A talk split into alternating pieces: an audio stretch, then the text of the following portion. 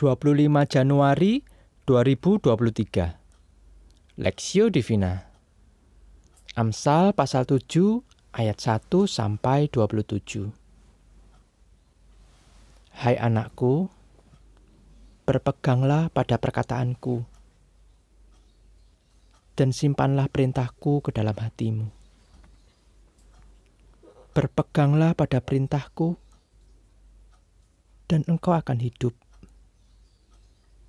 Simpanlah ajaranku seperti biji matamu. Tambatkanlah semuanya itu pada jarimu dan tuliskanlah itu pada loh hatimu. Katakanlah kepada hikmat, engkaulah saudaraku.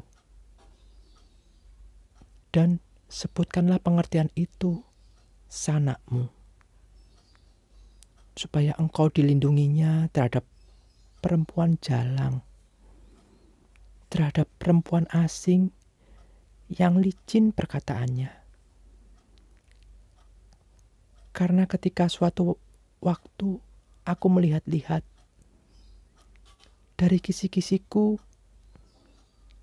dari jendela rumahku, kulihat di antara yang tak berpengalaman. Kudapati di antara anak-anak muda seorang teruna yang tidak berakal budi, yang menyeberang dekat sudut jalan, lalu melangkah menuju rumah perempuan semacam itu. Pada waktu senja, pada petang hari, di malam yang gelap, maka datanglah menyongsong dia seorang perempuan berpakaian sundal dengan hati licik, cerewet, dan lihat perempuan itu. Kakinya tidak dapat tenang di rumah. Sebentar ia di jalan dan sebentar di lapangan. Dekat setiap tikungan ia menghadang. Lalu dipegangnya lah orang teruna itu dan diciumnya. Dengan muka tanpa malu, berkatalah ia kepadanya, Aku harus mempersembahkan korban keselamatan pada dan pada hari ini telah kubayar nasarku itu. Itulah sebabnya aku keluar menyongsong engkau, untuk mencari engkau dan sekarang ku dapatkan engkau telah kubentangkan permadani di atas tempat tidurku. Kain lenan beraneka warna dari Mesir. Pembaringanku telah kutaburi dengan mur, gaharu, dan kayu manis. Marilah kita memuaskan birahi hingga pagi hari dan bersama-sama menikmati asmara. Karena suamiku tidak di rumah. Ia sedang di dalam perjalanan jauh. Sekantong uang di bawahnya ia baru pulang menjelang bulan purnama. Ia merayu orang muda itu dengan berbagai-bagai pujukan. Dengan kelicinan bibir ia menggodanya. Maka tiba-tiba orang muda itu mengikuti dia. Seperti lembu yang dibawa ke pejagalan dan seperti orang bodoh yang terbelenggu untuk dihukum. Sampai anak panah menembus hatinya, seperti burung dengan cepat menuju menuju perangkap, dengan tidak sadar bahwa hidupnya terancam.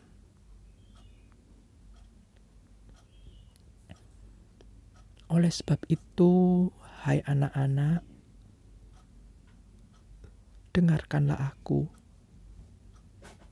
Perhatikanlah perkataan mulutku.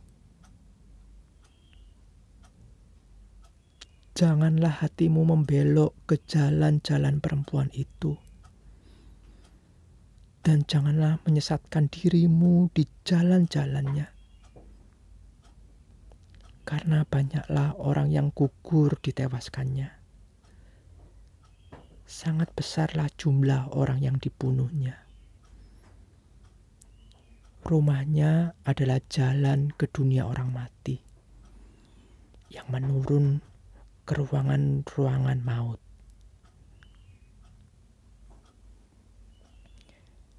Nasihat tentang perjinahan perspektif. Hai anakku, berpeganglah pada perkataanku dan simpanlah perkataanku dalam hatimu. Berpeganglah pada perintahku dan engkau akan hidup. Simpanlah ajaranku seperti biji matamu. Amsal pasal 7 ayat 1 sampai 2.